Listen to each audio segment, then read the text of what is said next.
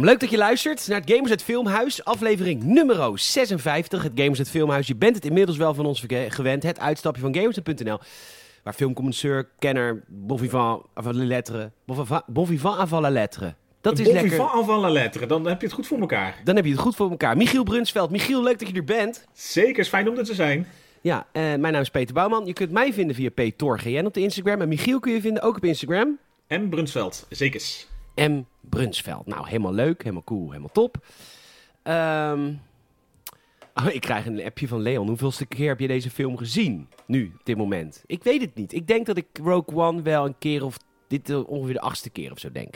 Acht keer? Ja, zeker wel, denk ik. Zo 7, 8, 9, zoiets. Ja, ik tel maar hoe, niet hoe verhoudt zich dat dan tot uh, de, de voltallige trilogieën? Nou, de prequel trilogy heb ik vaker gezien dan de oorspronkelijke trilogy. Ik ben een prequel kind. Um, maar die, ja, wel, wel ja, zijn natuurlijk een beetje ingerold, hè? Want dat Zeker episode 3. Uh, ik, denk, ik denk dat ik episode 3 het meest heb gezien. Maar die vind ik echt... Dat vind ik zo'n vette Star Wars film. Alles duister. Daarom hou ik misschien ook wel van Rogue One. Ik hou er gewoon van als alles misgaat. Ja, als het een, een randje heeft. Ja, vind ik leuk. En dat... Ja. Uh, wat, wat, mij betreft dat dat Execute Order 66 in Star Wars Episode 3 ook veel bloediger en veel meer Jedi mogen zijn als voorbeeld. Zeg maar. dan zie je op een gegeven moment zie je er een paar sterven. Wat mij betreft had dat, had dat drie kwartier allerlei Aan de boys-achtige gore mogen zijn. Ja, en nog meer kinderen ook. En, uh, dat... ja, vooral dat. Want het dus, mocht een kinderfeest zijn. ja, leuk van alle kleinste. Maar goed, ja. Uh, we gaan het niet hebben over Star Wars Episode 3. We gaan het hebben over uh, Rogue One. Allereerst, Michiel, hoe is het met je? Ja, goed. Zekers. Ben je, heb je nog wat beleefd dit weekend? Nee, belevenissen valt wel mee eigenlijk. Nou ja, je bent aan het voorbereiden op de VK. Ja, op de VK. Dus uh, het zijn nu de laatste dingetjes. We hebben het nu over de partyverlichting natuurlijk. Gaat de partyverlichting mee? Ja, gewoon toch wel een paar van die, uh, van die sfeerlampjes in de tent. Gekleurde lampjes? Ja, van die, van die bolletjes of zo, gekleurd of gewoon, uh, gewoon normaal. Maar een beetje, een beetje van die sfeerlampjes. Maar moet je, moeten jullie dat nog kopen of hebben jullie zoveel soorten dat je dat thuis uitzoekt? Nee, dat, dat is echt nog een categorie kopen. Oké. Want we hebben nu dit jaar ook een nieuwe tent gekocht. Dus zo zijn we ook natuurlijk een beetje andere dingen aan pimpen. Dat je denkt van daar heb je een keer tijd voor of ruimte voor. Maar is het dan zo dat die nieuwe tent nu ook uitgestald staat, gewoon opgebouwd thuis? Dat je het allemaal voor kan nou, inrichten? Ja, het is dus bijna... Ja, nee, ik schaam me er ook niet voor. nee, het past niet in de tuin. Serieus. Nou, en ook zonder te pochen. We hebben op zich geen hele kleine tuin. Nee, nee. Maar eh, in, in de, de, breedte past is... die al niet. de tent is enorm. Je gaat er qua huis gewoon op vooruit eigenlijk. nou, ik, ik weet dat er genoeg mensen zijn die op minder oppervlak studeren, zeg maar. Ja, ja, ja, ja, ja. ja. Dus je hebt echt een, uh, een kantoorkamer en een slaapkamer en een keuken. Ja, en een, en een pied-à-terre. Een pied-à-terre, een open vide. ja, zeker. oh, wat mooi. Nou ja, heerlijk op vakantie met Huis Brunsveld. Zeker, zeker. Lekker man. Um, ik heb gewerkt. Gewoon, gewoon gewerkt, gewoon lekker weer. Was wel, het was echt leuk. Was, het werk was leuk. Ja, was een goed volk? Ja, het was heel gezellig volk. Het was, iedereen was lief, iedereen was aardig. Het was wel druk, want buiten waren we ook open, dus het was hard rennen. Ja, het was natuurlijk een, uh, een zomers weekendje hè, in dat opzicht. Zeker. En ik heb een week lang de nieuws-apps niet geopend, omdat ik een week lang niet mijn andere podcast, mijn dagelijkse podcast maakte. Ja, lekker.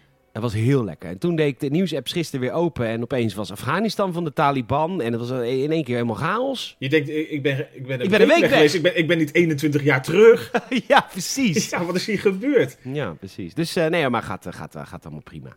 Lekker. Um, ja, we, gaan, uh, we, gaan, we, hebben, we hebben zojuist Rogue One bekeken. A Star Wars uh, story. Ja, ik ga straks de achtergrond van Rogue One een beetje vertellen. Want het is natuurlijk wel een beetje... Ik heb, ik heb een makkelijke week.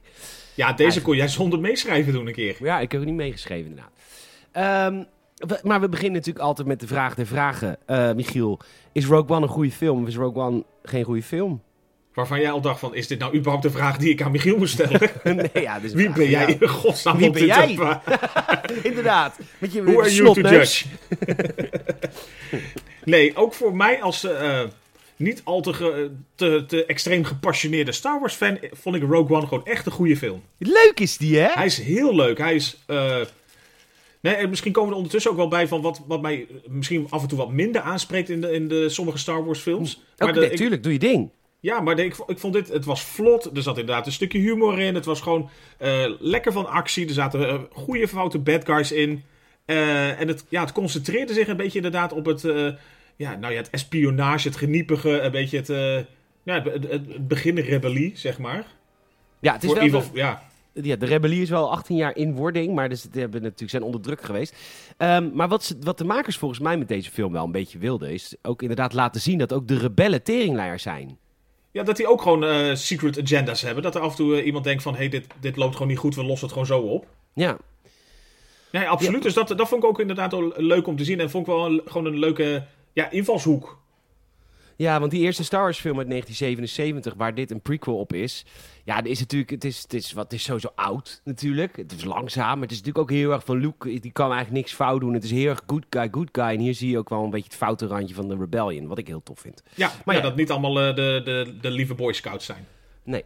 hey, de, de film begon en wat, wat deed het met je? Want jij zei direct, hey, wat is hier aan de hand?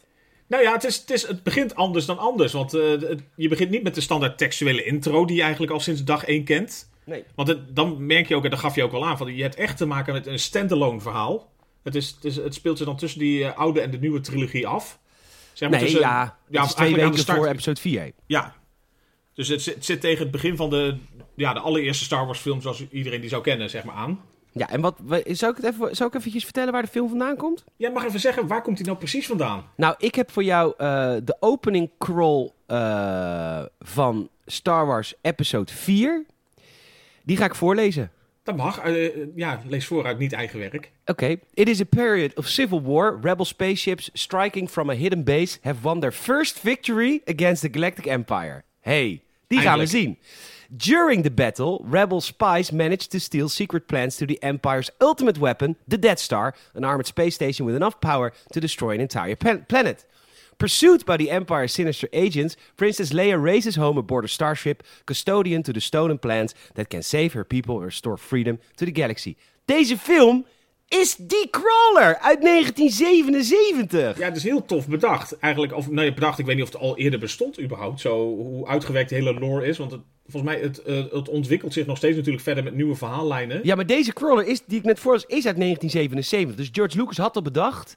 Dat dit is op zo'n manier, zeg maar, van start is gegaan. Ja, de, de, de, de Rebels have won their first victory against the Galactic Empire. En die victory, die hebben we nooit gezien tot, zeg maar, drie, vier jaar geleden. Ja, ja, dat, echt dat is heel tof te bedacht. Dat het gewoon eigenlijk dit uh, stukje van hoe is ooit deel 4 begonnen eigenlijk. Nou ja, hier de hele aanloop naartoe. Dit is ja. uh, zeg maar het gevecht geweest. En de film begint ook zonder crawler. Maar ik, volgens mij zit er wel een wink naar de crawl in. Want die tekstcrawl, uh, ja, die... die de, de spaceship van Krennic komt aangevlogen richting een planeet. En die planeet heeft een soort van gordel. Hoe heet dat? Een ring eromheen. Zo ring. ring. net zoals uh, Saturnus. Ja, en die heeft een soort van rare schaduw, waardoor het bijna op een crawl lijkt. En het, die film ja, het lijkt er heel erg op. Alsof, alsof die een beetje onder, doorvliegt, onder de tekst doorvliegt. Dat je niks leest, ja. maar je ziet wel een soort regels.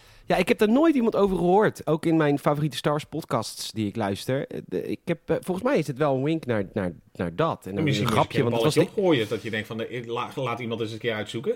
Ja.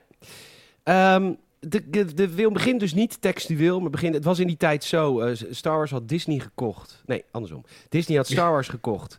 En uh, hun plan was, we gaan e jaar 1, episode 7, dan jaar 2 een spin-off film. Jaar 3, 8, et cetera, et cetera. Spin-off, featurefilm, spin-off. Nee, hoe heet het ook weer? Hoe noem je dat? De, Skywalker film. Dus Skywalker film, uh, spin-off, Skywalker film, spin-off. Dat was het idee. Daar paste dit dus precies in. Het heet ook Rogue One A Star Wars Story. Best wel stom eigenlijk, want dat was de, het labeltje waar het onder werd, uh, werd geschaard.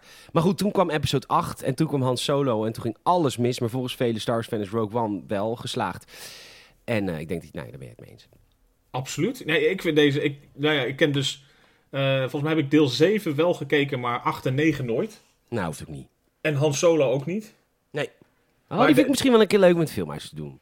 Nou ja, zou nog eens kunnen. Maar de, ja, ik vond deze serieus leuk. Ik, ik, zei het natuurlijk eerder al wel eens van ik heb niet de, uiteraard niet zoveel als, uh, als jij als ultieme fan zeg maar hebt. Maar ook, ook gewoon niet echt uh, superveel uh, Star Wars kennis. Dus ik heb wel een klein beetje ingelezen dat ik dacht van nee, ik wil even weten van waar zitten we en nou, wie, wie kunnen we erin verwachten. Dat heb, wat heb je dan allemaal aan voorkennis opgedaan? Nou, ik heb eigenlijk heel makkelijk gedaan wat volgens mij veel voor mensen die ook misschien een beetje zoals ik casual in Star Wars zitten. De, beetje gezocht naar van uh, wat, wat kan je weten voordat je aan Rogue One begint. Ah, ja, daar heb je best wel wat goede spoiler-free uh, artikelen of korte trailers. Ja. Die dus even een beetje nou, de wereld schetsen of even een beetje wat, uh, wat kleine verhoudingen neerzetten. Zonder dat je meteen echt van alles al gespoilerd krijgt. Dus dat vond ik wel even handig. Want ik merk wel dat het dat hielp me wel in het begin om even te weten van, oh ja, dus eh, zo steekt het in elkaar. Al kom, je- kom je daar aldoende dan ook wel achter. Oké, we beginnen op een planeet. Ik weet even niet hoe die heet, want ja, ik heb geen aantekeningen gemaakt, maar maakt niet uit. We komen met de familie Galen in, eh, in aanraking. Man... Ah! Huh? Oh, ik zei gay, nice. Eh, Eh, man, vrouw... ehm, eh, Kind. Oh nee, kind. ja, Eh, Galen Urso. Nee, het is de familie Urso. Het is Ja. familie Urso. Galen is eh, de papa. Galen is papa, Jin is de, de, de kind en mama heeft ook een naam. Lyra. Lyra. En ehm, de, die Wie kijkt deze film nou al voor de achtste keer? ja, ja, weet ik veel. Ah, ja, Ze is ook maar heel even in beeld. bijrolletje. En je moet ook niet gehecht geraken aan de personages in deze film. Nee, daar kom je aldoende wel achter inderdaad. dat, eh, nou ja, het is, het is ook dus duidelijk gewoon een stand-alone film. Dus ook nooit bedacht als zijnde van hier gaan we nog iets verder mee. Nee. Juist omdat het natuurlijk echt exact toewerkt naar het begin van deel 4.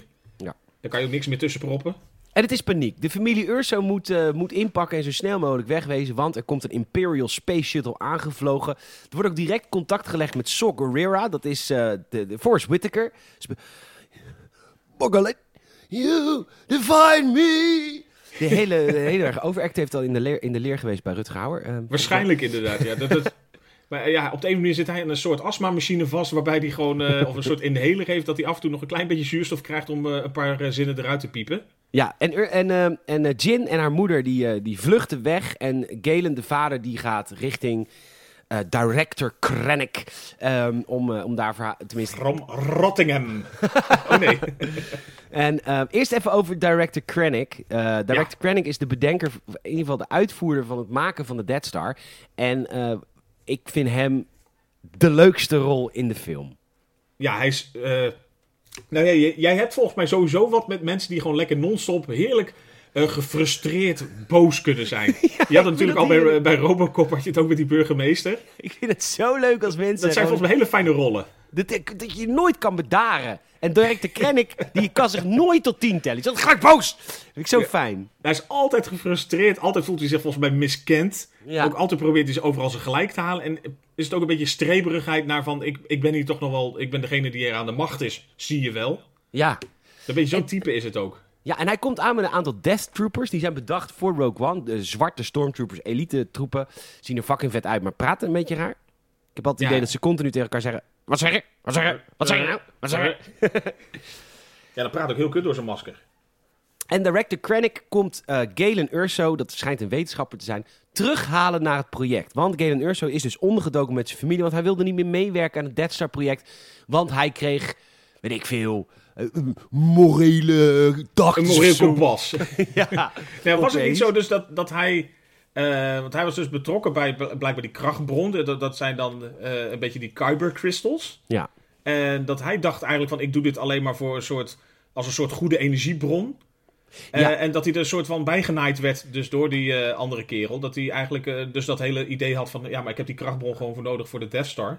Het is alsof je het boek hebt gelezen, want er is een prequelboek geschreven dat heet Rogue One Catalyst. En dat gaat daar inderdaad over. Het is eigenlijk hoe de nucleaire bom is bedacht. Door de Manhattan Project heette dat. Ja?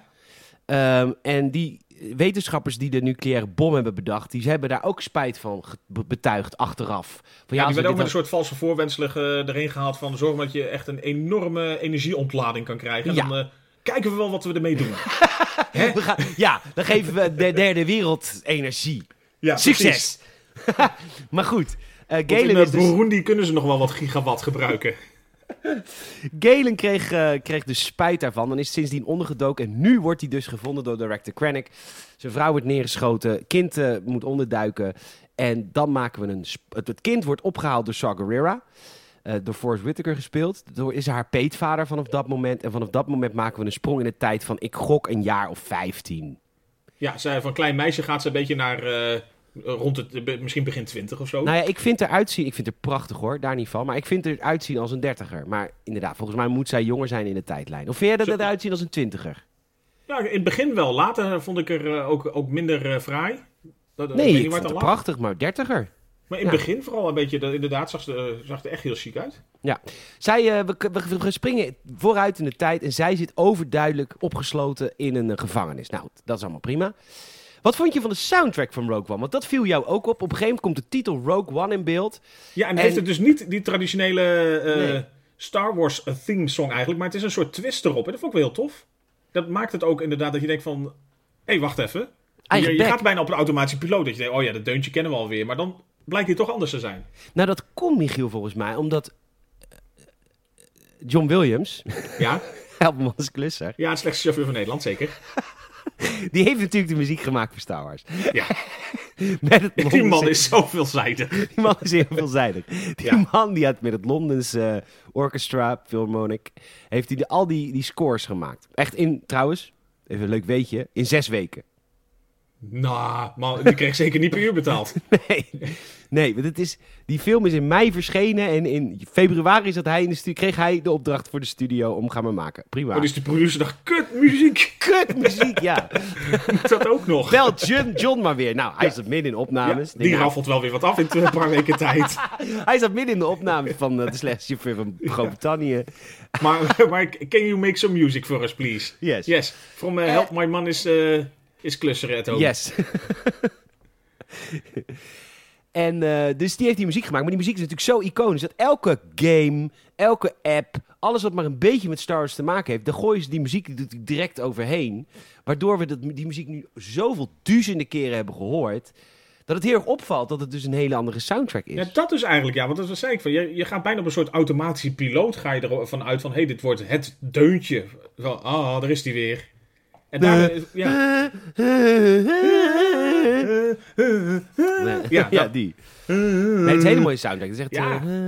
eh, echt mooi. Niet zo... Nee, maar goed. We komen, nee, maar het, serieus, in het echt is het echt mooi. we komen in een Ja. trading outpost. En ehm, die eh, trading outpost voelt als een... Nou, en dat vind ik zo vet. Ja, dit wordt een hele lange podcast, sorry. Ja, Dit, dat vind ik zo vet in deze film. Is dat je hebt in... De, de, de Empire is al een jaar of... Ja, Luke is nu 18, denk ik. Is al een jaar of 18 aan de macht.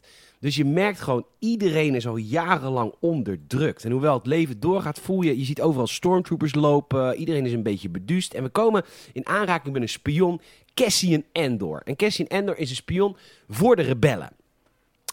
En hij heeft via een informant... Nou, informatie, want daar is dan... Ja, dat is ja die deze werk goed, zeg maar. ja, die deze werkt. Die eh, heeft, heeft hij informatie, krijgt hij van een informant over een eh planetendoder. Huh? Echt? Dun, Ja. dun, dun. ja. Ze zijn bezig met een wapen die kan planeten doden. En dan zegt hij, nou, bedankt voor de informatie. Ehm, en dan wordt, eh gay, wordt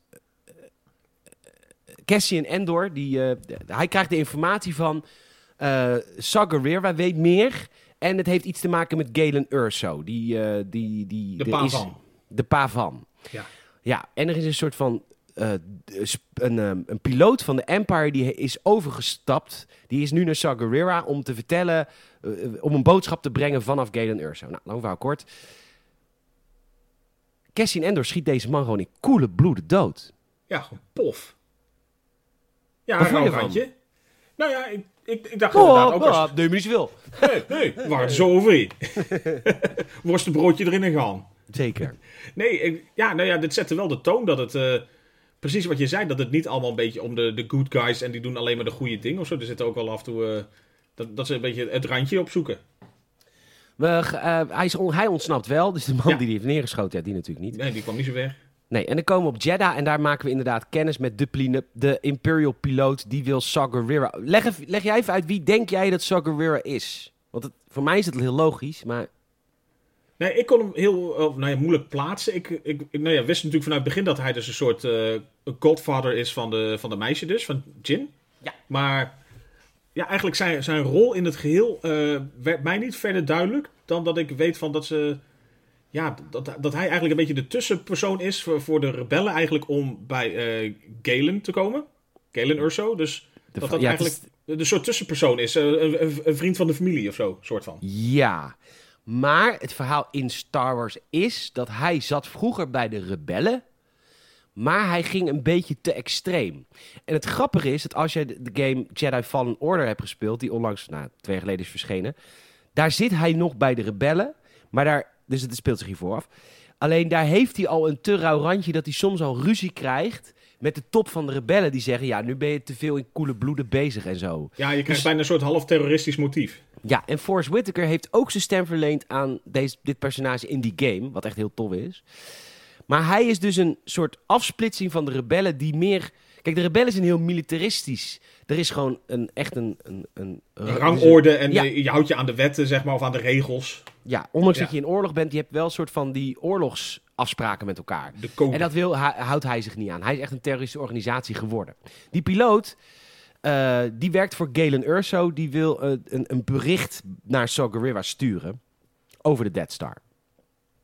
Ja, want eigenlijk dat is een beetje het, het, eh, het concept wat die Galen heeft eh, natuurlijk. Die heeft informatie over die Death Star die hij dus heel graag wil delen. Alsnog met de rebellen, terwijl hij gevangen genomen zit. En nogmaals, he- Galen Urso is dus de maker van de Dead Star eigenlijk. Van de Kyber Crystals. Ja, hij is eigenlijk van, ja, of in ieder geval van de, de manier om die eh, crystals dus in te zetten voor nou ja, nog meer energie. En dat, ik weet niet in hoeverre hij echt letterlijk de Death Star heeft helpen bouwen. Maar hij is zeg nee, maar maar wel, wel de, technologie van het wapen. Ja, van de, de grote beam die alles kan kapotmaken. Het is best een complex verhaal, zit ik nu zo, als ik dit zo... Het, he- het heeft wel wat kantjes, maar eigenlijk vond ik het in dat opzicht nog best wel overzichtelijk verteld eigenlijk. Ja. En De rebellen- en die geloven dus eigenlijk, de rebellen geloven dus natuurlijk ook helemaal niks van dat, dat dus blijkbaar die Galen eh, hun alsnog zou willen helpen. Nee, want hij, volgens voor hem, eh, voor hen is hij gewoon overgelopen. Ja. Maar de rebellen die vinden een manier om meer te weten te komen en om dichter bij eh, Galen Erso te komen, namelijk door zijn dochter op te sporen en te bevrijden uit die gevangenis waar ze zit. Dat gebeurt ook. Ze wordt bevrijd en ze wordt naar de rebellen geleid. Ja, en die rebellen zeggen eigenlijk tegen haar: luister, eh, jouw vader, dat is een oorlogscrimineel. Maar ehm, Dat is mijn vader, hè? dat is trots, trots dat ik ben. Eh, maar we willen bij je vader komen, want we willen meer weten over die Dead Star. En we willen daardoor ook dichter bij Gerrera komen, want die krijgt die informatie van jouw vader. Ja, het is een soort, een beetje een soort eh, de, de spil in het web. Daar zijn we spin in het web. Ze gaan naar Jeddah, die planeet waar Saw Gerrera woont. En het is ook de planeet waar alle Kyber Crystals worden gemijnd door de Empire. Ja, want dat was dan vroeger, of ook in vroege tijd een beetje het soort bedevaartsoord en eh, een soort ultieme holy plek, zeg maar, of zo. Ja, voor de Jedi, want eh, Ja. de Jedi, hun lichtzwaarden, dat, dat, dat, wordt... Die kracht berust op, op die kyber crystals. Precies. Dat ze zo aangedreven worden. Maar daarom zie je dus in het begin waarschijnlijk ook dus eh, van die soort grote standbeelden in de, half in het zand weggevallen. Ja, dat dat een beetje een soort eh, shrines van vroeger waren of zo. ja. De rebellen besluiten met Jin Urso dus naar Jeddah te gaan. En, ehm, Ziet er vet uit. Het geldt geldt trouwens voor heel veel momenten in de film. Gewoon visueel is het gewoon zo vaak gewoon zo mooi. Ja, het is prachtig. Wat vind je van eh, K2SO? Van de K2, K2SO, die droid? Ja. Imperial droid? heel grappig. Het is ook echt gewoon eentje waar, waar volgens mij een keer tussendoor al zei. Van, eh, het, het klonk bijna alsof hij een soort Duits accent had. En dat was natuurlijk niet de bedoeling. Maar dat had ook prima gekund. Maar het is gewoon zo'n zo'n bij de hand. En dan... Gewoon, ik, ik vind zijn humor wat leuker dan een beetje het flauwige wat eh, een beetje de, de R2-D2 en zo heeft. Of in ieder geval die, die samenwerkt met, eh, Ja, eh, bloedirritant. Ik heb hem nooit die, leuk met die gouden. Die is... eh, de C-3PO. 3C Die, ja. Die, die, die zijn wat meer een beetje van de slapstick-achtig. Ja, En ik vond hem gewoon qua, qua komische opmerkingen gewoon leuker. is ook meer naar nu. Ja, ondertussen meldt die defective Imperial pilot zich bij. Saw Gerrera die gelooft hem eigenlijk niet dat hij een boodschap brengt van Galen Urso. Die denkt dat het een valstrik is, want Saw Gerrera is al een beetje oud en gefrustreerd, et cetera. Ja, hij gelooft nergens volgens mij meer in. Hij denkt van, dat zal toch niet. En ik, eh, nou ja, het zal mijn tijd wel duren. En het zal echt niet dat er iemand mij nu nog komt opzoeken. Nee. En dan krijgen we voor het eerst de Death Star te zien. En, ehm, en een volledig CGI geanimeerde eh, Tarkin. Tarkin speelde, was de, is de baas van de Death Star in episode 4 uit 1977. Die man is al 20 jaar dood. Blijkbaar hebben ze met de nabestaanden overeengekomen dat ze het beeld Ik gewoon hoop het mogen- voor ze, anders is het wel een enorme eh, jumpscare, zeg maar. Zo, als je je opa nu zo ziet in leven. Wat vind je van de CGI van Tarkin? Want dit is dus net. Heel erg, ja, daarom, maar het ziet er echt belachelijk goed uit. Ja, het is dat jij het inderdaad ook zei en dat je er dan op gaat letten. En ik, dan zie je het een klein beetje aan de lip-sync af en toe. Ik bedoel, het is, eh, maar het ziet er zo bizar goed uit. Ja, en eh Krennic, director Krennic, geweldige vent, die komt zich even melden bij eh, Tarkin eh, op zijn spaceship van Tarkin. En Krennic heeft natuurlijk het Death Star project geleid. En Tarkin die gelooft het eigenlijk niet zo heel erg goed dat, deze, dat dit spaceship alles gaat veranderen. Dat de Death Star alles gaat veranderen. Die is heel sceptisch. Ja, En- en, die, volgens mij ligt dat al een beetje aan een soort eerdere fuck-ups van Krennic. Dat hij denkt van, nou, het zal wel niet zoveel zijn. Want je, je hebt tot dusver ook niet echt heel veel eh, waargemaakt. Nee. Wat grappig is, want op een of andere manier, en hier moet ik eigenlijk, ik weet niet of hier novels van zijn, als er andere Star Wars nerds luisteren. Maar ik vraag me af hoe Krennic de opdracht van de Emperor heeft gekregen. Want er is zoveel geld gegaan naar die Death Star. Dat, hoe kan Tarkin geen vertrouwen hebben in Krennic? Ik bedoel, de Emperor heeft het oké gevonden. Ik vind dat een beetje vaag. Ja, maar of het is, ik weet niet of daar nog een, eh, inderdaad een verdere rivaliteit achter schuil gaat of zo. Of dat het constant een soort machtsspelletje is van ik wil jou niet te veel credits geven, want dan eh, ga jij alsnog met de eerloper strijken. En die Tarkin heeft dan blijkbaar het idee van ik zit nu op een positie dat ik het gewoon nog steeds een stokje lekker van je overneem. Van eh, bedank eh, schoothondje dat je dit voor me hebt gedaan en eh, ga nu maar weer weg. Ja. De, ja. Eh, we komen naar Jeddah, waar eh, ehm, eh, eh, Jin Urso en Cassian Endor, de spion, op zoek gaan eigenlijk naar Saw Gerrera en zijn vrolijke corneuten. Precies, En zijn metgezellen. En zijn metgezellen. En daar komen ze een monnik tegen. Ik had in de eerste twee viewings best wel een hekel aan die monniken. Omdat ik het allemaal een beetje te vaag vond. Maar ik, ik vind ze inmiddels leuk. Wat, wat deden ze met jou? Ik zit een beetje op jouw eerste viewings. Ja. Ja, ik vond ze, ik vond ze eh, ja...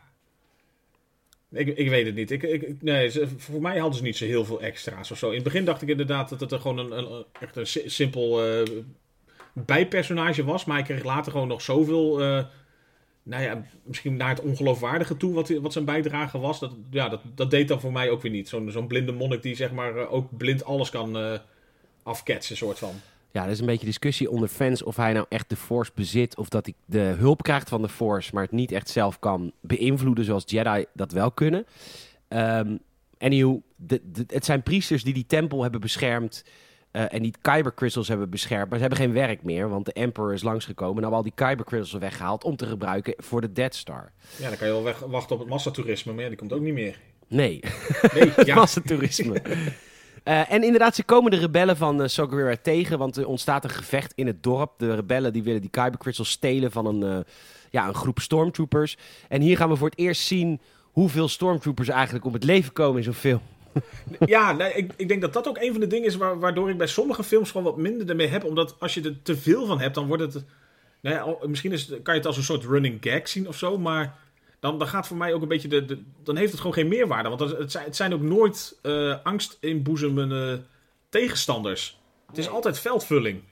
En, dat, ja, ja, en dat, dat doen ze natuurlijk met verven. Want ze worden gewoon natuurlijk, zodra ze in beeld komen, worden ze eigenlijk binnen vijf seconden altijd eh, weggepoft. en dat, maar ik, ja, dat, dat haalt voor mij een beetje de, de, de, de, de angst weg van echt een, een, eh, een, een tegenstander die je echt wat kan doen, zeg maar. Nou, maar we komen later Darth Vader tegen, daar was je wel bang voor. Ja, maar dan heb je ook echt een icoon. Ja, Zo, uiteraard sowieso het icoon, maar meer van, nou ja, niet, misschien niet op hetzelfde niveau of zo, maar een paar van, een paar van zulke eh, ja, antagonisten vind ik altijd wel sterker. En dan inderdaad, dan heb je de stormtroopers die gewoon als, eh, ja, als kleiduiven natuurlijk gewoon naar binnen rennen overal. Terwijl Ja. dat alle soort select gezelschap moet zijn. Ja, maar nee, helemaal niet. Het, zijn, het is gewoon het leger. Ze, er zijn er, het, is gewoon, het zijn, de- het Ja, het zijn, het laagste zijn de boa's onder... Ja, het zijn de boa's onder het leger. Maar goed, Chirrut, dat is dus die monnik. Die, eh, het is wel vet hoe hij die stormtroopers in elkaar slaat. Want je ziet echt, want het zijn natuurlijk van die soort van plastic pakken. Je ziet ook echt de, de stukken, een soort keramiek van die, eh, van die maskers afschieten als hij ze slaapt met die stok. Dat vind ik wel echt cool. Maar hij doet het natuurlijk, eh, hij is blind, althans, dat, volgens mij dat denk je steeds. Volgens mij is dit dat dan ook echt. Maar Volgens mij is het gewoon een grapje. ja, maakt niet uit. Hij heeft gewoon van- die witte lenzen ingedaan. Dat denk, iedereen denkt dat hij blind is. Ja. Maar hij loopt inderdaad als een soort eh daredevil dan alles af te ketsen, gewoon terwijl hij niks ziet. Ja. Anywho. eh, ze worden allemaal gepakt door de rebellen van Saw Gerrera. Want ze hebben tijdens het gevecht namelijk ook rebellen van Saw Gerrera neergeschoten. eh, zowel Endor als Jin Urso. Ze worden daar opgesloten bij Saw Gerrera. En uiteindelijk wordt zij natuurlijk direct naar Saw Gerrera gebracht. Ze zegt ook, ja, als je mij wat doet, dan doe je wat met Saw Gerrera. Want ik ben, haar peet, ik ben zijn peetdochter. En nu wordt ze dus naar Saw Gerrera gebracht. Eh, Wat ook Zo- leuk was op dat moment, want er wordt iedereen geblinddoekt. En dat die blinde monnik dan ook zegt van, Gast, I'm already blind. ja, gast, let op. Ja. Ja, maar goed. Hij heeft net eh 30 stormtroopers. ja, dan ga ook geen gok nemen. Hè, dat je denkt, van, ja, het zal allemaal wel. Ja, en dus Sal en, eh, en Jin die zien elkaar voor het eerst sinds jaren. Want Sal is niet zo'n lieve peetvader geweest in de laatste nadagen van zijn vaders, van zijn peetvaderschap Ja, richting nou ja, haar. dat- dat- dat- ze komen elkaar inderdaad tegen en dat clasht een beetje. Zij heeft zoiets van, je hebt me gewoon achtergelaten, in de steek gelaten. En hij zegt zoiets van, nou ja, maar er werd zoveel op je gejaagd. Ik heb je gewoon een soort van bewapend even veilig gebracht. En eh, nou ja, je kan zeggen, ben je in de steek gelaten of eh, was het voor de eigen goedwil, zeg maar. Ja, want het, het vuurtje ging langzaam rond dat zij de dochter was van Galen Urso. Die man die met Kyber Crystals een superwapen aan het maken is. Dus hij zegt, ik heb je beschermd. Zij ja, zegt, je je bent me in de steek anders super wanted ook eh, door iedereen. En hij heeft inmiddels de boodschap eh, gekregen die de defected Imperial Pilot van Galen Urso naar hem heeft gebracht. En ik vind dit het stomste moment in de film. Want eh, Ja, Galen Urso die gaat nu uitleggen aan Saw Gerrera wat zijn plan is. Namelijk, ik heb een fout gemaakt in de Death Star. Ik heb expres iets in de Death Star verneukt. een, zwarte, Waardoor- een zwakke plek gemaakt. Ja. Een zwakke plek, waardoor als je daar één bom op vuurt... wat Luke Skywalker natuurlijk gaat doen in episode 4... ontploft direct de hele mythische bende. Heel veel fans zijn hier boos over. Want ja, dat maakt eigenlijk het bereiken van wat Luke heeft bereikt minder.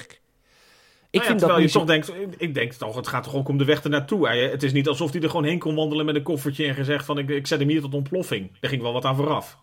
Nee, en niet precies, want je hebt daar ook het moment... Use the Force, Luke. En dan gebruikt Luke wel echt de Force. Ja, maar daarom. Maar God, het is, zijn we nerds.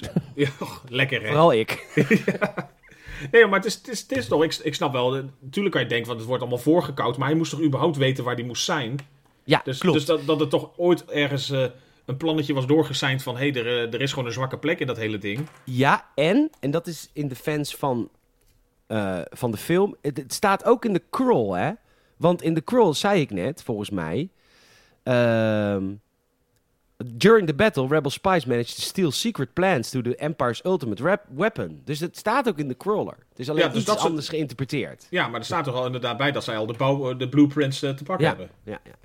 Maar wat ik zo stom vind aan deze scène is dat eh, Galen Urso, trouwens gespeeld door die bad guy van eh, Casino Royale... Mats Mikkelsen. Mads Mikkelsen. Zijn oudere broer speelt ouders, trouwens een personage in de Star Wars Rebel steekfilm. Grappig. Ehm, maar ehm, ja, hij vertelt eigenlijk nu zijn plan dus aan Saw Gerrera.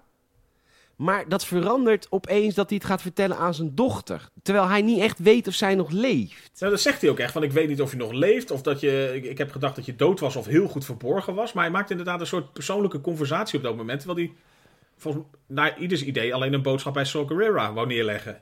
Dus dat je denkt Dat van, ja, en echt zij heel stom. Heel Disney. Ik vind het heel Disney. Is het ook, denk ik. En wat je ook zei van de film was volgens mij bij Vlaag ook veel rauwer en veel bloederiger bedacht. Dat dit ook een van die dingen is, dat, dan moet het even een klein em- emotioneel familiepandje hebben. Dat zij natuurlijk ook even erdoor geraakt is. Maar jij bent vader. Voelde je... Kijk, dat ik niks voel, prima. Maar voelde jij iets? Nul. Nul. Niks. Helemaal niks. Nee. Ja, afschuw. Walging. Nee, dit, dit, dit deed mij ook helemaal niks. Nee, dit- Nee, ik vond nou, het heel stom. Ja. Nee, of het was niet, ge- niet eh, opgebouwd dat ik dacht van dit, eh, qua personages pakte hem al heel erg of zo. Nee, dit, nee kwam, kwam ook niet echt, eh, echt heel erg binnen of zo. Over dat gesproken wat jij net zei. ehm, deze film is gemaakt door een oorlogsregisseur oorspronkelijk. Want Disney wilde experimenteren met verschillende genres. Dat hebben ze... Maar ze hebben niet gecommit. Rogue One wilden ze een echte 18-plus oorlogsfilm van maken. Saving Private Ryan. En ze hebben daar dus ook een regisseur bij gevonden die dat zou kunnen. Vervolgens is die regisseur naar Disney gegaan. En zegt, dit is het. Als je de eerste trailer van Rogue One bekijkt... zitten daar heel veel beelden in... die nooit in de film uiteindelijk zijn gekomen. Want toen kreeg Disney die, die oorlogsfilm voorgeschoten. Toen zei Disney... Ja, maar dit is een oorlogsfilm! ja, wacht eens even. En toen zei de regisseur... Ja, maar je wilde een oorlogsfilm. En toen zei Disney... Ja, maar niet zo. Wij willen een Disney-oorlog. Ja. Dus toen hebben ze er een nieuwe regisseur opgezet. Ze hebben heel veel reshoots gehad. Ze hebben de film compleet opnieuw geknipt. Het is een wonder dat de film nog zo vet is geworden. Hetzelfde is overigens gebeurd, Michiel, ja. bij Han Solo. De Solo-film zei Disney in het begin namelijk... Maak er maar een comedy van. Toen hebben ze een regisseur ingehuurd. Die heeft een comedyfilm ervan gemaakt. Ging terug naar Disney. En die zei Disney... Ja, maar dit is Dit een lijkt, dit comedyfilm. lijkt wel een comedy. Disney heeft alleen maar zitten fuck-uppen met die kutfilms in het begin. Han Solo, helemaal opnieuw. Ze hebben toen eh, Howard, hoe heet die Howard? Ook van... ehm, Komproe. Nee, niet Howard. De, de achternaam is Howard. Is het Todd Howard? Nee, Todd Howard is van Bethesda. Eh, van, Die doet wat anders, ja. nee, Howard van, hoe heet hij nou? Van Arrested Development. En van ehm, die, godver, die, die, die film die wij hebben gezien van George Lucas. Die, eh, die fantasy versie, die slechte film met die midgets. Oh, Ron Howard. Ron Howard. Toen hebben ze Ron Willow. Howard aan boord gehaald voor Obi-Wan. Ga de film maar maken, want het is nou een comedy. Waardoor Han Solo dus weer niet goed ontvangen. Nou goed, één groot gekloot met Disney. Dus die hebben daar weer, daar weer mee moeten lopen klooien. Ja, ze hebben twee keer dezelfde fout gemaakt. Maar bij Rogue One is het goed uitgepakt.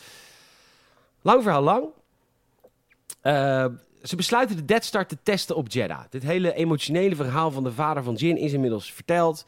Eh Krennic mag de Death Star testen op Jeddah. Standje 1. Niet Ja. eh volledig Nee, niet- King. Nee, precies. Maar standje, standje 1, gewoon niet te hard. Dus ze schieten de Death Star op Jeddah. En inderdaad, Jeddah wordt gewoon vernietigd. Ze vluchten net op tijd. Niet zakken weer, die is dood. Ja, die En- besluit om gewoon achter te blijven. Die denkt van, mijn tijd is toch al geweest. Mijn tijd is geweest. Het is mooi geweest. Ja.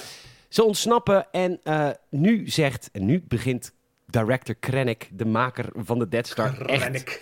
Ja, heerlijk, want Tarkin praat zo. Dus dat vind ik dan leuk om te doen. Ehm, nu, zegt, eh, nu gaat director Krennic volledig in frustratiemodus. De hele film vanaf nu. Nu wordt het heerlijk. Want nu zegt Tarkin tegen Krennic... Goed gedaan. Mooie Ja. test. Ik zal nu het commando van dit spaceship op me nemen. En je ziet hem koken op dat moment. Je ziet hem echt Oh. hij, hij zegt aan broeien zo van, wat de fuck doe jij met mijn project nu? Ja, maar het, Tarkin outrankt hem gewoon. Ja, zo, nou En- bedankt, het heeft zich bewezen. Leuk dat dit jou wel gelukt is. En bedankt. En bedankt. Hij is kwaad. hij is woest. Ziedond. Oké. De rebellen die overleefd hebben, dat zijn de twee monniken en Jin Urso en de droid K2 Urso en natuurlijk Endor. Die gaan door naar... Oh, en de defective... eh, ik, eh, de, hoe heet dat? is defective in het Nederlands hoor. Ik denk Engels. Die overloper. overloper. De Die overloper. De piloot. Ja. Die zegt, eh, we moeten naar Idu. Want daar zit de basis waar die Kyber crystals worden ontwikkeld. Waar jouw vader dus is. Oh. Aha. Nou, nu krijgt Endor krijgt de opdracht van het hoofdkwartier. Ga daarheen en zodra je de kans krijgt, schiet hem kapot. Want de rebellen, die geloven helemaal niet nog dat... Nee, dat, dat is dat randje inderdaad een beetje van... van oh nee, maar daar zit... Dat ze dat tegen die, die, die, Jin Urso zouden zeggen... Oh, maar daar zit je vader. We gaan er alles aan doen om hem daar te helpen weg te halen. Zij hebben echt. Nee, fuck it. Hij is overgelopen. Het is de maker van de Death Star. Zodra we weten waar die gek zich bevindt, we poffen hem neer. Tuurlijk. En dan zou je zeggen, Jin, laat dan die video zien van je vader. Ja, Ja. die is even vergeten. Ja, de explosie dat was van Jeddah. eh, te, te moeilijk, ja. Zag er trouwens dat op Jeddah zag er wel echt heel tof uit ook. Die, eh, die hele explosie en dat wat erop afkwam. Ja, wat, wat, er gebeurde een soort van rare... Ja, wat gebeurde er eigenlijk? De hele dus- grond ging Ja, die, kwam omhoog. het- Bijna alsof je naar een soort Inception keek waarbij de hele wereld omhoog komt zetten. Maar het was eigenlijk een soort tsunami van, van puin, zeg maar, wat helemaal omhoog kwam. Ja, echt heel vet. Ze ontsnappen dus net, ze gaan naar Idu. Eh, ondertussen krijgt ook Krennic te horen dat, eh, dat er een lek is op Idu. Er is iemand overgelopen, die piloot. De bewuste piloot, ja. Dat krijgt Krennic te horen van Tarkin. Hij zegt, Dus joh, je bent... schoffeert hem nog een keer van een beetje van jouw fijne basis heeft een lek.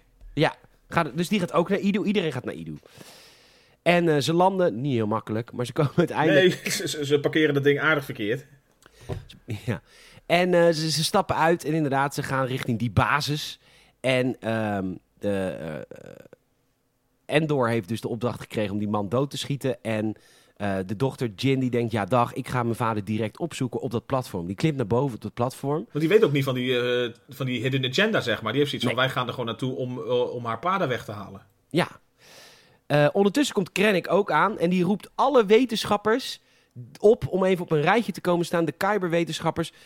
Ontzettend slecht gecast. Ik vind het, het is alsof we naar een film kijken uit 1977 in dit geval. Dit hadden ze echt even anders mogen doen. Want alle wetenschappers zijn oude, witte mannen. Dan denk ik, kom Maar op. ook we hebben allemaal nou- inderdaad letterlijk wit, ook met wit haren, wit baardje. Gewoon, dus Ja. Het is allemaal een beetje, ja, het is te cliché, maar ook inderdaad te, te, te stereotyp. Ja, terwijl als je naar de Mandalorian kijkt, daar zitten ook dit soort wetenschappers in. En dat, dat is heel gemeleerd. Ook jonge, jonge mensen kunnen ook slim zijn. En Ja, dus ik vond het een beetje stom. Dat ik dacht, nou... eh, Ja, maar dan, dan heb je ook nul sympathie. En ik voelde me ook wel een klein beetje aankomen wat hier ging gebeuren. Want eh, op een gegeven moment, Krennic gaat natuurlijk eh, dan eigenlijk Galen Urso onder druk zetten. Zo van, er is een lek hier op de basis. Wie is het geweest? Ik ga schieten in 3, 2, 1. En dan ja, gaat hij natuurlijk overstag. Gaat hij zeggen, ik was het. Onder de noemer van spaar even mijn, eh, mijn crew. Ja. Ondertussen hebben ze op de rebellenbase, eh, zijn ze erachter gekomen dat de communicatie is verbroken met ehm, Endor. En die denken, we sturen gewoon een paar X-Wings daar naartoe. Want eh, als Endor nu dood is, die Galen Urso moet dood. Dus dat gaan we gewoon doen via een aantal X-Wings. Dus die komen er ook inmiddels aan. Eh, en dan krijgt Endor geweten. Die schiet uiteindelijk niet. Die zou Galen zomaar kunnen doodschieten. Van afstand doet dat niet. Had alle kans, ja. Had alle kans. Eh Jin is ondertussen op het platform geklommen. En dan komen de X-Wings. En dan, ja, wel vette actiescène hoor, hier. Ziet er wel heel tof uit. Maar ook inderdaad een beetje dus dat, eh, dat, dat duistere kantje van de, de rebellen. Zo van, nou ja, ze, ze weten dat er ook dus eigenlijk hun eigen mensen zitten. Ze konden ze blijkbaar niet meer tegenhouden. Dat, dat, het aanvalsteam. Plan. Ja. Dus, eh, en eigenlijk, ja, de hele basis wordt gewoon in puin gelegd. Waarbij gek genoeg dus het, eh, eh, het voertuig van Krennic ongeschonden is. Waarmee hij Ja, is nog knap. kan ontsnappen. Nou, dat is knap. Ja. Ehm, nou ja, eh, zij ziet haar vader weer voor het eerst in waarschijnlijk 15 jaar. Maar die sterft door X-Wing vuur. Ja, fijn is Dat dat. is wel even belangrijk. Dat is dus wel de, gewoon de friendly fire. Nou ja, nou ja, nee niet. Want zij vinden het helemaal geen friend. Nee, zijn, zijn nog niet de vrienden, hè? Nee. ehm, tof gevecht. En Krennic ontsnapt. Ehm, de- er is een sterfscène. Ja, daar voelde ik niet zoveel voor. Omdat je hebt nog niet zo'n band met... De, de Galen heb je niet echt een band mee. Nee, weinig. Hij komt natuurlijk ook beperkt voor in het geheel. Eh, nee, dus dit, dit had ook niet, was, was niet echt een heel emotioneel high impact iets of zo. Nee, nee. Maar goed, eh, iedereen overleeft. Behalve de wetenschappers en eh 30.000 stormtroopers. Ja, die worden ook bij bosjes weer neergemaaid. ja, niet normaal. Er is een aflevering in de Mandalorian seizoen 2... waar ze ook volgens mij 100 stormtroopers doodmaken. Het is zo grappig. Ehm, Maar die hebben ook gewoon een gezin. ja, zeker. Maar helemaal weten we. Ehm, ze, reg- ze, ze, ze stelen een, eh, een schip en ze vliegen terug. En eh Jin heeft hier totaal door dat dit gewoon... eh, Mijn vader is gewoon echt vermoord. Niet door Empire-soldaten, niet door stormtroopers... maar gewoon echt door jullie, door de rebellen. Ja, dan ontstaat er natuurlijk een de Woordenwisseling. Ja, Ja. zeker. Want zij verdenkt natuurlijk ook Endor al van... Ja, er is een reden waarom jij heel graag even alleen daar eh, die, de- die, of die basis op wou. Want dat was natuurlijk je jouw kans zien om te schieten. En dan gaat hij zich helemaal in zijn defense zeggen van... Nou ja, maar ik heb alle kans gehad, maar niet geschoten. Zou je denken, oké, legit. Wel waar. Maar ja, Ehm, wat vond je van de volgende scène? De volgende scène is dat Krennic naar eh Darth Vader gaat. lef. Om- Zeker. Eh, je zou kunnen zeggen, heb ik wel gehoord hoor, deze feedback is een beetje bij de hagen erbij gesleept, deze scène. Omdat ze gewoon Darth Vader wilden laten zien. Dat, ja, dat ze hem even wouden neerzetten. Zo van, hey, hij is er nog voor, voor zeg maar, eh, het laatste Ja. momentje. Maar ja, zo, zo voelde het voor mij niet. Ik, ik, had wel zoiets wat ik dacht van, nou ja, volgens mij eh, ken je je eigen plaats niet zo goed als je denkt even verhaal te gaan halen bij de grote baas, die volgens mij ook niet al te veel bekend staat om zijn goede communicatieve eigenschappen. Om zijn geduldige approach van alles. precies. En om eh, second chances en zo. Nee, nee, nee. Ehm, het verhaal gaat, en dat was eigenlijk ook al een beetje in episode 4 uit 1977, is dat ook wel zichtbaar in, in Darth Vader. Darth Vader en Tarkin in episode 4, die hebben een strijd. Want ze zijn eigenlijk allebei net zo hoog in rang voor de Emperor. De, heel veel mensen denken Darth Vader is de second in command, maar Tarkin ook. Ehm Darth Vader vindt de Death Star helemaal niks. Dat is ook duidelijk in de film, wordt later nog versterkt in comics en zo. Die vindt het helemaal niks, want dat is, Darth Vader is een Jedi. Dus die gelooft veel meer in het spirituele dan in zo'n war machine. Terwijl hij toch weet dat zo'n ding eh, in één keer van alles kan wegvagen. Ja, dat weet hij inmiddels wel, maar ja goed, het is niet zijn plan. Het is Tarkin's plan en Ja. Krennic's plan, dus ja. En eigenlijk boven die twee heb je dan Darth Sidious zitten. Als Ja, dat is de Emperor, ja. de, de overkoepelende. Dat is de baas. Ja. Was voor heel veel mensen een schok. Ja, ik, ik ben niet zo oud. Ik weet, we hebben wel wat oudere luisteraars. Ik ben een prequel-kind. Maar het was voor heel veel mensen een schok toen eh, Star Wars Episode 6 verscheen, 1983. Dat was pas de eerste keer dat de Emperor te zien was. En iedereen dacht eigenlijk een soort van tot dat moment... Ja, Darth Vader is de eindbaas. Maar ik En denk dat ook heel veel mensen, ook die dan niet zo heel veel in de, in de hele verhaallijnen zitten, eigenlijk hem ook gewoon als... Ja, hij wordt natuurlijk ook altijd neergezet als de bad guy, omdat hij vooral de gevechten aanpakt natuurlijk. Ja, omdat hij... De Emperor doet het niet. Die zit gewoon lekker eh, in Coruscant. Een beetje te regeren. Ja, die zit, zit gewoon een beetje op, eh op Marbella te- op zijn stoeltje. Ja. ja, lekker. Ja, toch? Maar goed, eh, Darth Vader is dezelfde rang als Starkin. Al, ja, het zijn gewoon twee rechterhanden. En door. En. Door. En door. Krennic die zegt, ja luister Darth Vader, ik heb de Death Star afgemaakt. Goed hè, wil je dat even aan de Emperor zeggen? Dan wordt hij geforce choked. Want eh, dat vindt Darth Vader helemaal niks. Die politieke spelletjes die Krennic speelt. De tyfus ermee, heb ik hem er tijd voor. Ophoeren. Ja, ik denk een beetje... Als jij zit met elkaar te bekvechten, daar hoef ik helemaal niks van te vinden. Hij laat hem wel leven. Dat nog wel, ja. We gaan terug naar de rebellenbasis. En hier moet Jin Urso eh, de rebellen gaan overtuigen van... wij hebben die Death Star plannen nodig. Want mijn vader, die heeft een foutje gemaakt in de Death Star. Expres om jullie te helpen. En dan zeggen heel veel mensen van de rebellen... Dag, echt niet, sukkel. Je gelooft je vader, maar je vader is een verrader. Het komt erop neer, die Death Star plannen... die zitten op een, eh, de bibliotheekplaneet Scarif. Dat is Ja. waar, waar de Empire als een, eh, zijn diep, ja, zijn, Ja, oh, files de, houdt. de tropische mediatheek. De tropische. Ja, dat is, in de, dat is in de Star Wars wereld. Is dat? Je hebt voor alles heb je een wereld. Ja, er is het een wereld voor de Kyber crystals. Precies. Er is een wereld voor, eh nou, voor alles. Voor het archief. Er is een, een wereld voor, inderdaad, voor eh, de, de videobandjes. Ja, er is een wereld waar ze ijsmijnen voor, voor desertplaneten, weet ik uit boeken. Nou, er is voor alles een wereld. Scarif is de, eh, de, de archiefplaneet. En de rebellen zeggen in principe, ja, we krijgen geen meerderheid eh, om, om Scarif aan te vallen voor die Death Star plannen van je vader. We doen het niet. En dan zegt, dan zegt Urso, zegt nou, kut. En dan zegt eh, Endor, zegt, ik ga met je mee met een groep mensen. Ik heb een groep eh, mensen weten te charteren, we gaan het gewoon lekker zelf doen. En dus ze splitsen eigenlijk af van de rebellen. En ze gaan naar Scarif. Ja, zoiets van als, als zij ja, hun spelletjes of hun dingetjes allemaal blijven doen en niet meegaan, dan gaan we het gewoon zelf doen. Dan ben je een soort ja, rebellen binnen de rebellen. Ehm, maar ze zijn niet de enige die gaan. Want ondertussen zijn er ook andere eh, echt oorlogsschepen die ook direct met ze meegaan.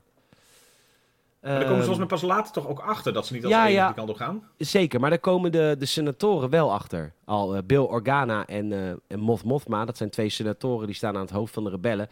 Die krijgen al wel direct horen van, hé, ze zijn niet de enige die weg zijn. Er zijn ook een aantal spaceships weg met die, eh, dat ras General Akbar. Het is niet Akbar, maar die paar van die vissenkoppen. Maar hoe? Ja. en, Nee, ehm, maar, dus, dus, ja, maar die, vinden dat, die, die zie je ook een beetje grijnzen zo van... Hey, die vinden het eigenlijk wel tof dat ze dus gewoon actie ondernemen. Terwijl ze eigenlijk misschien formeel volgens alle rangen en dus een beetje die beruchte code... het, eh, het niet konden goedkeuren eerder. De grap is, dat weten heel veel mensen niet. De Senaat, het wordt in episode 4 uit 1977 wordt verteld. De Senaat wordt pas in die film ontband. Ont, Ontmanteld. Ontmanteld, disbanded. Ik denk Engels. Ja. Ehm, dus er is altijd nog een Senaat. Al de tijd dat de Emperor aan de macht is, laat hij de Senaat wel wat zeggenschap hebben. Om maar de planeten tevreden te houden of zo. Politieke keuze. Maar dat, ehm, dus dat zijn twee senatoren die het hoofd staan van, eh, van de rebellen. Anyhow, ze stelen een. ehm, nou ja, ze gaan met het, met het vliegtuig wat ze hadden gestolen van de Imperials. Dus ze kunnen eigenlijk gewoon zonder moeite Scarif op. Eh Scarif, man. Als we toch ergens mochten wonen, Michiel. Dat is toch een beetje het Miami van eh, eh, Star Wars. Het is, het is gewoon inderdaad zon, zee, strand. Oké, en, planeet. Ja, prachtig. En oké, een klein beetje hè, een, eh, een doom eromheen gebouwd. Dus die hebben eigenlijk, eh, ondanks dat het een hele planeet is natuurlijk, hebben ze eigenlijk één eh, ja, toegangspunt gebouwd. Ja. Die een beetje de, de, de, de, de poortwachter zeg maar, is naar de planeet toe. Dus waardoor je door de, het beveiligingsschild kan, zeg maar. Ja, en de rest zit een schild omheen. Ze landen. Eh, ze worden geïnspecteerd door een aantal eh, Imperials, maar die slaan ze neer. Ze, ze, ze pakken hun kleding. En wat eigenlijk het plan is voor hun nu, is we hebben de droid K2SO, we hebben Endor de spion en we hebben Jin Urso, de dochter van. Die gaan de plannen van de Death Star pakken. En de rest van de groep, wat er ook nog wel een stuk 20, 30 zijn, moeten afleiding gaan zorgen op het planeet. Eigenlijk is het, jullie moeten sterven, zodat wij gewoon lekker ons gang kunnen gaan. Toch? Ja. Dat is eigenlijk het plan. Hou ze even lang genoeg bezig, zodat wij even ons ding kunnen doen. Ze gaan de basis binnen en ehm, ja, K2SO, die Dort, die zegt ook... ja, de kans dat ons het lukt, we komen onderweg 89 stormtroopers tegen... dat gaat niet gebeuren. Dan belt, eh, dan belt Endor belt naar de rebellen... ja, jullie moeten nu zoveel mogelijk eh, eh, reuring gaan trappen op, dit, Ja. op deze planeet. Zorg maar dat er genoeg hommeles is buiten. Ja, dat doen ze. Ze zetten een aantal explosieven over de hele eiland heen.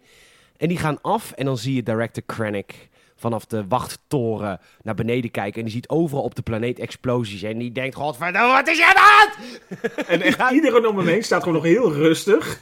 Dus Niemand weet wat ze moeten doen. Nee, hij heeft echt zoiets van... Ja, ga potdomme nou je man, je, troepen erop afsturen. Hij is zo gefrustreerd. Maar dat was ook wel mooi toen ze dus bij, eh, bij Jeddah, dus die eerste keer die eh, Death Star afvuurde, dat hij, dat hij echt zoiets had van, eh, ja, schiet er maar op af. En dan is hij zo'n kerel die helemaal mooi een protocol wil volgen, die eerst heel netjes wil zeggen van, oké, maak klaar. Ja, ik zei toch verdomme vuur? Ja, vuur dan gewoon. Die frustratie is zo heerlijk. Ehm, er breken gevechten uit tussen de rebellen op het eiland of op de planeet en de stormtroopers. En de Sand Troopers, nieuw geïntroduceerd voor deze film. Vind ik toch leuk. Dat je, af, je hebt een paar ja, de- de- een paar van die eh, stormtroopers waren gewoon bij de, de ANWB-winkel geweest voor een kaki-outfitje. Ja. Ja. Lekker.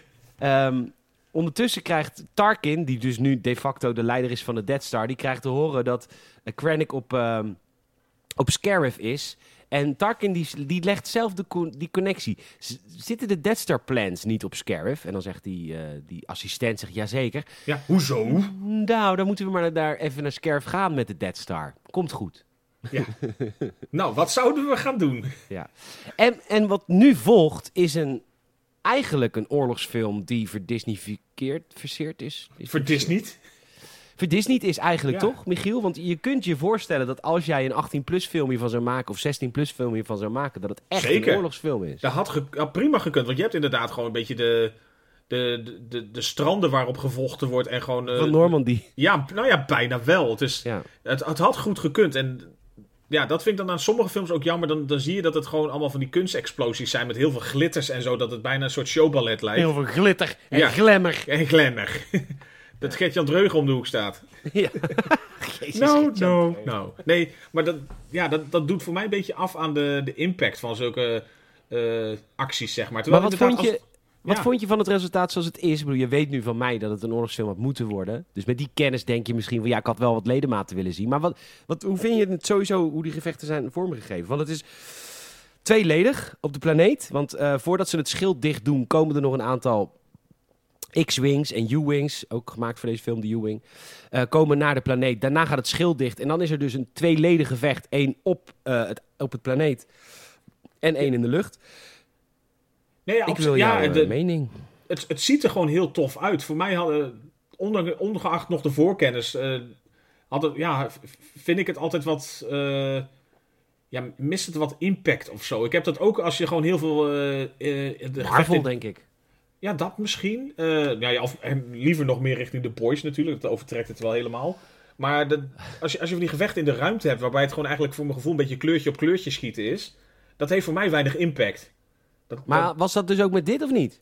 eh, nou, nou ja, in de ruimte op het moment dat er bijvoorbeeld eh 5000 eh, van de ene groep erbij komt, eh, die, die gaan er een beetje omheen zwermen naar de andere toe. Dat, dan, dat is voor mij hetzelfde beetje het gevoel als met al die stormtroopers die zeg maar met de Ja, hele ja, ja. kolonies erop afkomen. Dan mist het impact. Ja, dat een beetje. En ik, eh, bij sommige momenten had het, was het wel mooi. Dan was het ook als bijvoorbeeld die, eh, die 80-80's, eh, volgens mij, die dingen erbij komen. Ja. Dat het echt wel wat, wat heftiger en dan is het ook wat meer... eh, nou, wordt het meer als een soort close combat neergezet of zo. Dat, dat vind ik dan wel tof. Ja, maar het, dat het is- ziet er overal gewoon heel mooi uit. En dat redt, of redt het wel, dat klinkt er wanhopig. Maar dat, ja, dat maakt het wel heel leuk. Het is heel weinig gebeurd in Star Wars. Dat er echt grote grondgevechten zijn. Ik bedoel, Endor is in episode 6 een planeet eh, met die Ewoks. Maar er zitten dan de Ewoks in. Dus dat maakt het dan wat minder... Je hebt eigenlijk episode 5 heb je in, op Hoth, de ijsplaneet. Dat is altijd Hoth. Dat is ook Hoth, ja. Eh, dat is eigenlijk wat, waar het het beste mee te vergelijken is. Alleen dan met de graphics van nu. Ja, nee, maar het, het- in dat opzicht, het ziet er ook gewoon absoluut tof uit. En dat, dat maakt het gewoon echt wel, echt wel boeiend om naar te kijken. Maar ja, Eh, voor mij, dat, is, dit zal ook persoonlijke smaak zijn. Dat ik dan een beetje afhaak op als het te afstandelijk wordt of zo. Ja, ja, ja. ja. Ehm, het is eindbaasgevecht. Daar kunnen we Ja. nooit heel veel over zeggen. Want eh, het, het plan is redelijk complex. Ehm Jin Urso en, ehm, en Endor, die... eh ja, K2 zo gaat hier ook dood. Die offert zich op.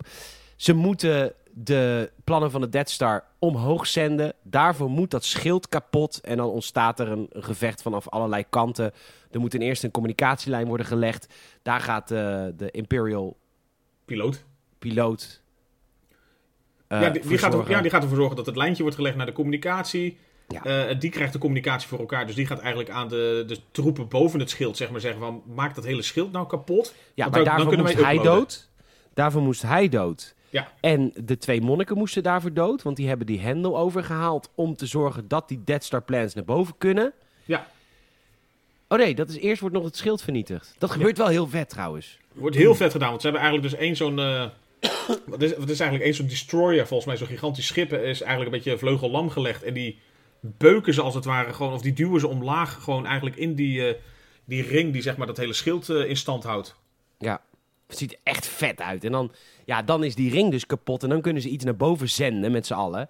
En dan, eh, dan, dan lukt dat Jin Urso ook. ehm, door de satelliet op, boven op de toren te gebruiken. En dan komt Krennic nog langs. Die schiet nog een keer. Maar die wordt dan net op tijd doodgeschoten door Endor. Ja, en wordt- iedereen gaat dood. Wat vond je daarvan? ja, gezellig. Nou ja, maar dat, dat is wat je ook zei, van je moet niet te veel gehecht raken aan iedereen. dat, zei En ik, dat zei ik niet in het begin van de film. Nee. Dat zei ik al toen er drie dood waren. Aan het einde inderdaad, want dan zie je ze inderdaad op het laatst nog even, in dat eindbaasgevecht gaan ze nog met borstjes neer. Ja. Want een beetje, ja, wat natuurlijk de conclusie is eigenlijk, die uh, Krennic is niet meteen helemaal dood, maar die ziet dan nog in de verte eigenlijk gewoon aan de, aan de hemel, zeg maar, zijn soort van Death Star opduiken. Prachtig. Prachtig ook hoe die Death Star daar aan de horizon staat. Als een soort van zwaard van Damocles letterlijk. Ja, dat, je ziet inderdaad die groene laserstralen een beetje opbouwen en dan Ja. vuurt hij af. Nou, het, het wordt niet zo extreem over de top gedaan dat hij bij wijze van spreken recht door zijn oogkas heen jenkt. Maar het, het raakt inderdaad ergens een plek op die planeet en gebeurt een beetje hetzelfde als bij Jeddah. Want ze zetten hem op, eh, ook weer op standje 1. Zo van eh, dood, maar eh, het moet niet te veel energie kosten. en dan, dan komt daar dus inderdaad ook gewoon zo'n eh, ja, zo, zo'n vuur- en verwoestingstsunami zeg maar langzaam op, op iedereen Nou, letterlijk af. het tsunami, want ze schiet in de zee. Ja, dus echt à la Deep Impact raast het hun kant op, zeg maar. En dan, ja, dan zie je eigenlijk dat iedereen er, zich er eh, bij neerlegt. Ook ja, Jin Urso en de Mattie Endor. Ja, Cassian Endor. Daarover gesproken, die gaan dus ook dood. Iedereen Ja. gaat dood. Endor krijgt een eh, spin-off serie op eh, Disney Plus volgend jaar. Daar zijn ze al heel lang aan het filmen. Eh, dat wordt dus een prequel waar Jin Urso dus niet in voor kan komen, want hij heeft haar nog helemaal nog niet ontmoet. Nee, dus dat hij Ehm. echt eh, op dat moment nog een beetje de, de spion van is. Ja, en het wordt gemaakt door de maker van de Bourne films. Dus ook echt een spionnenfilmmaker, die maakt de Cassian Endor serie. Vet. Heel veel zin in. Ja, ik ik vond het een leuk personage. Ja, zeker. Want hij krijgt aan het eind van deze film een soort van zijn redemption. Als in hij krijgt, hij schiet uiteindelijk Galen Urso niet dood. En hij is, uiteindelijk wordt hij wat softer. Maar in die serie zal dat dus allemaal niet zijn. Daar zal hij dus echt die keiharde spion zijn die hij in het begin van deze Is film hij inderdaad een soort Jason Bourne voor de rebellen. Ja, ja, ja, ja, ja. Vet. En dan komt natuurlijk nog een beetje de, de, de climax, eh, waar jij natuurlijk al ook ging zeggen van, ja, dit was gewoon het moment van gillen, zo'n beetje wat eraan zat te komen in de bioscoop. Ja, wat wij, ik moet wel zeggen, ik heb deze film op premièreavond gezien hier in Pathé Schouwburgplein. Met echt mensen die verkleed waren als Jedi's. Dat soort fans. Superleuk, maar ik weet niet of iedereen gejuicht heeft. Of het een heel representatief publiek is. Precies. Maar wij hebben gegild tijdens de laatste scène.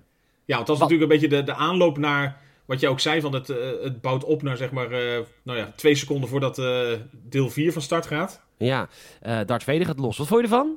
Zag er heel vet uit. Voor je gevoel denk je van, oké, die kerel is natuurlijk in elk gevecht overpowered op, op dit moment. OP, Die die moeten ze nerven. Ja, nerf die kerel. nee, maar hij heeft natuurlijk geen, totaal geen tegenstand. Want je- ja, gewoon die iconische momenten die ze vaker hebben gedaan. Een beetje vanuit het donker, je hoort hem aankomen hijgen. En dan, dan zie je inderdaad zi- zijn lightsaber zo rood oplichten. Dat ziet er gewoon heel vet uit. En wat, zo vette redemption is, eh, Michiel, aan dit, is deze scène in, in dit ruimteschip, of in ieder geval niet dit ruimteschip, maar het ruimteschip wat straks komt. Maar ik bedoel, deze gangen, die, die allemaal heel herkenbaar zijn uit episode 4. Toen Darth Vader in episode 4 eh, in actie kwam, had hij dit niet. Dit konden ze qua visual effects niet. Ze konden niet ervoor zorgen dat Darth Vader even iemand oppakte en dan omhoog tegen het plafond gooide. En Dat dat zag er weer- gewoon echt goed uit. ja, maar Ja. dat kon toen niet. Dus voor ons, als fans, is dit een soort van... Oh my god, dit ziet er gewoon uit alsof het 1977 is. Maar met de special effects van nu. En nu zien we echt daadwerkelijk hoe Darth Vader echt los zou kunnen gaan. Het is zo vet. En oh my god, ik ben zo'n nerd. Nerdy nerd. Nee, ja, nerd alert. Hartstikke leuk toch? Nee, maar dat, dat zag er gewoon echt goed uit. Gewoon, was inderdaad een tof moment. En gewoon, ja, ik zeg maar, voor mij als dan de casual fan, misschien om het zo te omschrijven, vind ik het ook gewoon heel tof. Dus dat het zo op elkaar aansluit. Dat het gewoon echt Ja, niet alleen eh verhaallijn technisch ervoor zit of zo, maar dat er gewoon echt eindigt waar deel 4 dan ooit begonnen is. Ja, echt zo vet. Want ze hebben dan die Death Star plans naar boven gezonden. Eh, in een schip. Eh, die Star plans zit fysiek op een diskette. Eh, medewerkers van Princess Leia proberen die diskette bij haar te krijgen. Maar er zit een deur vast. En Darth Vader zit achter ze aan. Iedereen wordt afgeslacht. En net door die deur gaat die plannen gaan dan net naar het detective voor het, het, ruimteschip van Princess Leia. En die weet dan net op tijd te ontkoppelen en te ontsnappen. En dan zie je ook Princess Leia in CGI ehm, zeggen van... ja, we hebben, dit, dit is hoop of zo. Dit wat ik in mijn handen heb is hoop. Want ja, een nieuw hoop. En dat ruimteschip waar de film mee eindigt... is precies het ruimteschip wat beschoten wordt... helemaal aan het begin van de film in 1977. Het is zo vet. Ja, nee, eens. Ja, CGI Leia is wel iets minder mooi dan CGI Tarkin. Maar goed, was ook wat Dat- korter in beeld, hè. was kort in beeld. Ja, maar zat die, eh, die, die twee gevlochten donuts aan de hoofd, dus je gelooft het. Jazeker. Nee, maar eens, het, eh, dat vind ik gewoon het toffe eraan. Dat het is natuurlijk gewoon... eh, Star Wars heeft zo'n belachelijke lore gewoon qua hoeveelheid. En dat, dat ze het dan gewoon zo mooi een verhaal gaan draaien... wat er gewoon echt perfect aansluit op, de, op echt, zeg maar, startpunt van die film van vroeger. Dat, dat is gewoon echt heel goed gedaan. En dat is durf, Michiel. Want heel veel films later hebben ze die durf dus niet getoond. En Dan krijg je gewoon een soort los tussenzwevend stukje. ja, en, en nu durven ze Tarkin terug te brengen. Weet je, maak Tarkin maar CGI. Die gast was fucking belangrijk voor de Death Star. Maak hem maar, zoek de voice actor uit de Clone Wars die hem ingesproken heeft. Eh, zorg dat het allemaal klopt. Eh, en dat, dat is dat lef. Ik bedoel, eh, ik weet niet, nou ja, de Mandalorian heb je niet gezien, maar de, de, de finale van seizoen 2 van de Mandalorian doet ook zoiets. Gewoon fucking veel lef tonen. En dat is wanneer Star Wars goed is. Maar dat veilige, ja, ik moet zeggen, episode 8 is ook niet veilig, maar gewoon kut. Dus ik spreek mezelf nu tegen. Nee, Ah. maar, ja, maar op, op die manier vond ik het gewoon echt heel leuk gedaan. Heel goed gedaan. En dat ik kan me zeker voorstellen dat het voor fans nog toffer is. Omdat je gewoon eh, nou ja, ziet hoe het, hoe het gewoon perfect in elkaar aanhaakt. Ja. Heel erg mee vermaakt, absoluut. Goed zo. Voordat wij eh, gaan horen welke film eh, Michiel mij gaat ge- of ons gaat geven voor over. Hoe lang ben je weg? Ik ben, ja, in ieder geval twee weekjes. Dus, eh, Twee weken. Dat is even de vraag of we, nee, of we strak daarna wat kunnen plannen. Of, of Nou, nog te- net ervoor. Maar dat, dat zal een drukke week worden. Maakt niet uit. Vakantie is geen filmhuis. Kunnen we allemaal niks aan doen. Het, het komt wel weer. Ja, maar begin voordat we september beginnen- zijn we er weer. Leuk. Voordat we beginnen hebben we weer een eh, aantal opdrachten voor je. Vertel een vriend of vriendin over deze podcast. Dat is waar we het meest mee groeien. Mond-tot-mond reclame is echt absoluut het belangrijkste. Ehm, je kunt ons ook eh, een Apple Podcast review geven. Dat zouden we heel erg waarderen als je dat doet. Vijf sterren alsjeblieft. Want vorige week hadden we één ster van iemand die ons één ster gaf... omdat we één keer niet hadden geüpload. Nou, daar word ik boos Dat is van. een Dus beetje daar moet- makkelijk. Ja. ja, dus daar moeten weer een paar vijf sterren reviews tegenover staan. Daar zou je ons enorm mee helpen. Eh, je kan ook lid worden en ons volgen via vriendvandeshow.nl. Vriendvandeshow.nl is een plat- platform ehm, waar eh, gewoon allerlei Nederlandstalige podcasts zijn. Van Mama Man, de podcast, tot, nou, ik kan het zo gek, gek niet bedenken. Wij zitten daar ook. Je kunt ons daar ook financieel supporten als je wil. Eh, dat kan gewoon via Ideal. En je kan ons eh, ook financieel supporten via Patreon. Waar we bijvoorbeeld een audiocommentaar hebben opgenomen voor deze film. Een audiocommentaar werkt als volgt. Wij, wij zitten eh, in connectie met elkaar, Michiel en ik. Wij bellen met elkaar. Wij tellen af. 3, 2, 1, play. Dan starten we tegelijk de film. En dan hoor je ons audiocommentaar. En dat was deze week natuurlijk extreem inhoudelijk. Vanwege alle kennis die ik heb. Overvloedig. Maar vooral omdat je je content creators misschien een keertje wilt supporten met vijf piek in de maand. Ik snap, eh, we geven niet zoveel content als Netflix, maar het wordt wel met heel veel meer liefde gemaakt. Patreon.com is Gamerzet. Geef ons een kans. En dan. En dan. En dan. En door. Oh nee. En door. Ja, Ja, want je was eigenlijk niet voorbereid. Je was, eh, in het begin van de podcast zei je, ik heb eigenlijk helemaal niks voorbereid. Nee, normaal heb ik altijd een, een heel, hele stuk... eh, Heel, heel stuk epos heb je ja, geschreven. heel epos. Nee, ik heb, ik heb nu eigenlijk... eh, ja, zoals vaker heb ik, heb nog steeds wel een aantal films die ik heel graag een keer wil kijken. En ik eh, neig er even naar, naar een film te pakken die misschien iets meer eh, inhaakt op eh, de, de stand van zaken nu. Al weet ik niet hoe dat natuurlijk over een paar weken is, want er kan veel veranderen. zaken. Nu gaan we een documentaire kijken over Afghanistan. Nou, het scheelt niet veel. Oh, Ik, eh, Ja, gaan we een documentaire kijken? nee, geen docu. Oh, Maar het is wel gebe- gebaseerd op een waar gebeurd verhaal. Eh, Titanic. Leuk. Ja, lekker weer. Ik mis Rose en Jack wel. Nee, echt laten even afzinken op dat, eh, op dat platform. Op de boorplatform. op dat boorplatform. Want zoveel voller komt er nog bij, mevrouw Winslet. Nee, ik... eh, ik, heb, ik heb een makkelijke keuze, die laat ik nog even voor de keer daarna. Dat, eh, dat gaat wel goed komen. Dus we gaan een moeilijke film kijken. Nou, ik, ik weet niet of het echt een hele... Ja, ja mooi. Nee, nee, niet moeilijk complex, maar, we, maar we gaan, ik kan er heel veel omheen zeggen. Wij gaan eh, de volgende keer kijken naar de film Argo.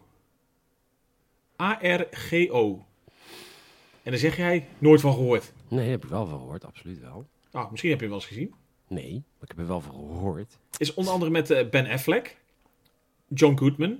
Hij heeft hem ook gemaakt. Ja, Affleck. zeker. Hij heeft ook een paar films heeft hij zelf geregisseerd en dat heeft hij zeer verdienstelijk gedaan. Goodwill Hunting. Onder andere.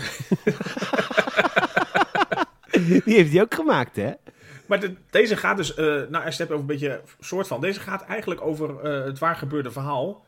Van over een aantal Amerikanen op een ambassade in eh, Teheran. Ja, Waar een soort gijzelingssituatie ontstond. En waar het dus ook ging over hoe krijg je mensen ergens weg. Ik bedoel, dat is natuurlijk nu, anno nu ja. Afghanistan voor- vooral aan de orde. Mhm.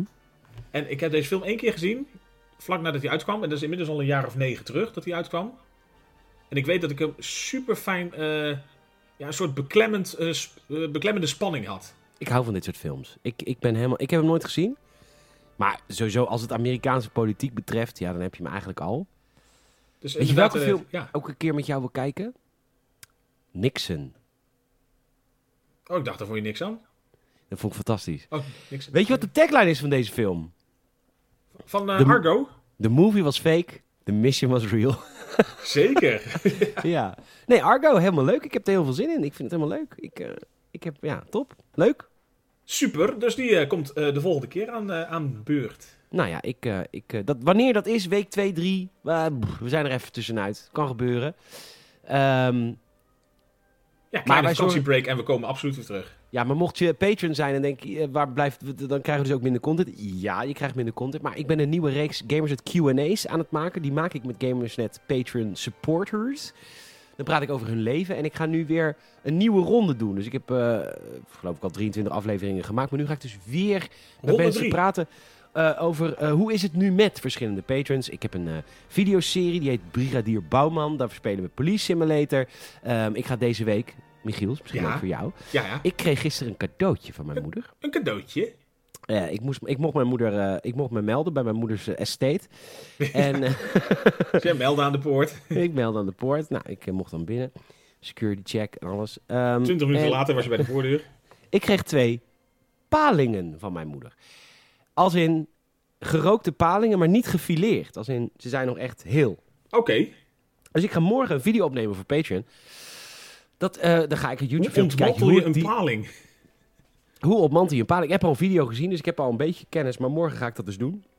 Wat vet. Dus er blijft content komen. Al is het wat rustiger, maar er blijft content komen. Michiel, een hele, hele fijne vakantie. Dank u, dank u. Overigens hebben Michiel en ik deze week afgesproken dat wij ook samen op vakantie gaan. Ja, zekers. We gaan een weekendje, of nou, een weekendje of een maandag en een dinsdag, of weet ik veel. Geen idee wat. Een, eh, Eh, we gaan een retraite houden een, een samen. keer, een keer in retret. Een, eh, een, een moment van bezinning. Met- heel veel schrobbelig. Ja, dat vooral. Daar een komen de beste plannen van. Ja, dat is, eh, dat is ons drankje, hè, schrobbelig. Schrobbelig. Zekers. Dus dat gaan we binnenkort doen. Michiel, enorm fijne vakantie, man. Dank je. En tot binnenkort iedereen. Tot binnenkort. Luisteraar bedankt en tot de volgende keer. Laters. Doei!